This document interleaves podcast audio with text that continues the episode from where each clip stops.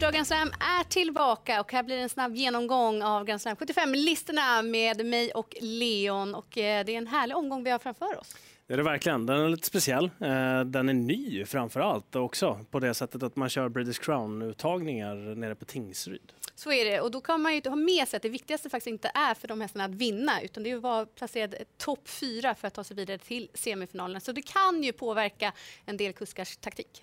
Absolut, och sen eh, är taktiken viktig på den här banan också för den är väldigt eh, lång att komma hem på. Det är 285 meter upplopp eh, på Tingsryd och det är en väldigt bred bana med skonsamma och fina svängar också. Så hästar som har lite problem med travet på 1000 meters bana, de är lite extra gynnade på Tingsryd. Och sen gäller det att ha bra inställning också, för det kan man vinna många lopp på här. Och kuskar som vet hur man kör på banan brukar vara fördelaktigt. Nu lyssnar vi till Preben Sövik som säger så här om banan.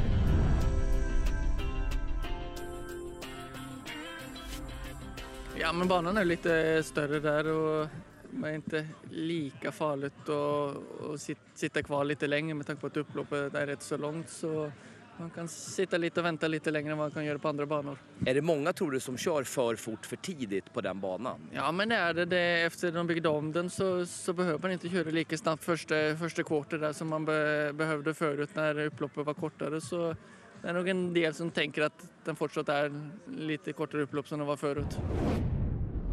Mm, eh, Sveriges enda milebana alltså. Och eh, de fem åren som man har arrangerat Grand Slam 75-tävlingen, då är medianutdelningen strax under 250 000. Så en väldigt skrällvänlig bana. Verkligen. Och nu har ni koll på förutsättningarna så vi tar oss vidare till veckans heta.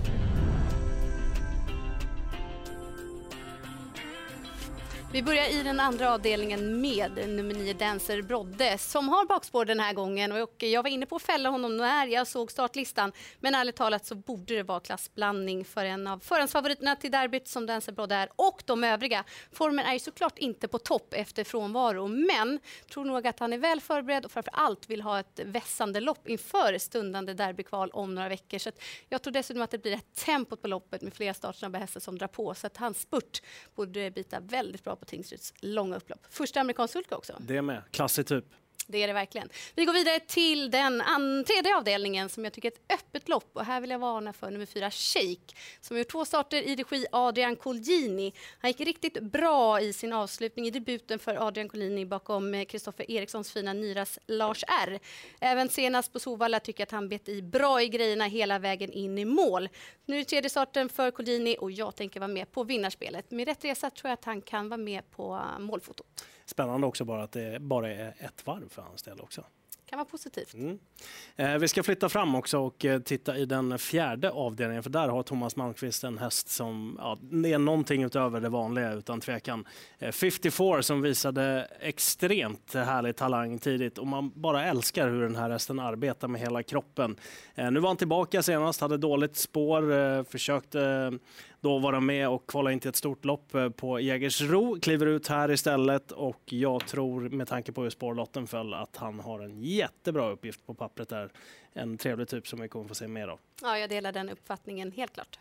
Vi flyttar vidare också framåt till den sjätte avdelningen på Grand Slam 75-spelet. Där eh, har Johan Untersteiner en mycket intressant häst, nämligen Run Queen Run, som inte har gjort ett fel så här långt i sin tävlingskarriär och visade sig från en jättebra sida i den senaste starten också.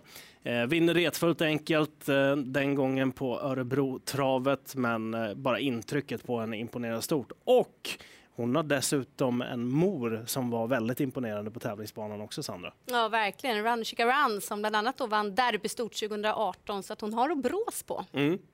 Eh, väldigt spännande häst att följa och eh, sen väljer vi att titta fram till den sjunde avdelningen. Där har eh, Fredrik Wallin ett spännande inslag också och det handlar om Jannica som eh, har kört ganska snällt i sina starter så här långt på svensk mark men också visat upp en oerhört bra fart. Toppfarten tror jag kan räcka långt med tanke på att upploppet är så väldigt långt också. Dessutom så satt hon fast i den senaste starten efter en invändig resa och eventuellt så ska man hänga på den amerikanska sulken till den här starten också. Så att många plusfaktorer där på Jannica som är ute i ett tufft gäng i avslutningen. Men med tanke på intrycket senast och hennes toppfart så ser upploppet och Tingsryds bana ut att vara någonting för henne. Och det är inte så tokigt med bakspår över det här långa upploppet Nej. på milesbanan. Det tar vi med oss. Nu ska vi lyssna till veckans profil och det är Stefan Persson som säger så här om söndagens band.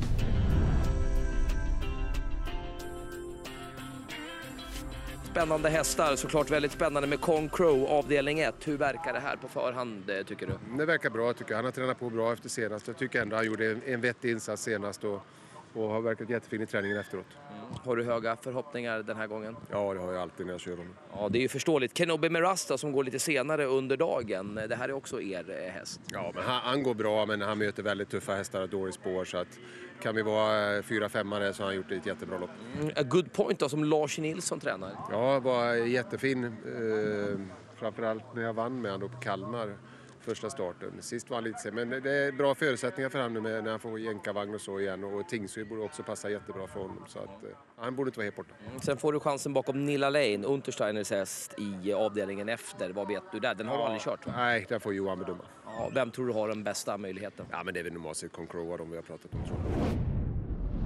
Rapp och tydlig information från Stefan Persson. Ja, och det känns väl rätt att han blir en av de mer betrodda hästarna i den här omgången. Eh, han passar nog väldigt bra på milebanan med tanke på vad han tävlar med för utrustning på huvudlaget och sådär också. Och lopp i kroppen lär ha flyttat fram formen på honom också. Det är väl känslan, utan tvekan. Eh, en trevlig häst med hög kapacitet med lite, lite pengar på kontot. Och nu går vi vidare i programmet till veckans kalla. I den fjärde avdelningen där hittar vi eh, flera av de hästarna som har tävlat i Kulltoppen. Eh, jag tänker framförallt på nummer 10 Frank SO som tyvärr då ströks efter en uppvärmning på Solvalla i den senaste starten. Jag tror inte att det här loppet som kommer nu är det viktigaste för honom. Jag tycker om hästen väldigt mycket, men jag tycker inte att vinstchansen är så het till den här starten och framförallt inte eftersom att 54 också fick framspår och har lopp i kroppen nu. Eh, jag tror att det stora målet för Frank Esso är kriteriet senare i höst. Och går vi till avslutningen så är nummer sju Riverdale Z väldigt bra och kapabel och har vunnit sex av sina åtta lopp. Men jag tror som Leon säger inte heller att det här är det viktigaste loppet för hennes del utan det gäller att hon placerar sig bland de fyra. Dessutom har hon spår långt ut på vingen och jag tror att hon får göra för mycket jobb på egen hand så ingen vinstchans denna gång. Dags att runda av programmet och i vanlig ordning så får vi lyfta fram varsin häst vi tog lite extra på. Mm, men då eh, lyfter jag i eh, avslutningen nummer 10 Jannica som satt fast med mycket sparade krafter i den senaste starten. Jag tror att det långa upploppet är klara plus. Hon har väldigt hög toppfart och eventuellt blir det den amerikanska sulken på den här gången. Vad har du att komma med? Jag tror att Johan Untersteiner verkligen vill att nio Dancerbrodder i den andra avdelningen kommer till derbykvalen med raka ettor för att få den här respekten. Så jag tror att han är bäst i den andra avdelningen. Mm. En rolig och en trolig då. Eh, och vi lär väl avsluta med att säga att det är fantastiska tävlingar på Tingsryd den här söndagen. Det är det verkligen. Häng med oss då och ta chansen på Grand Slam 75.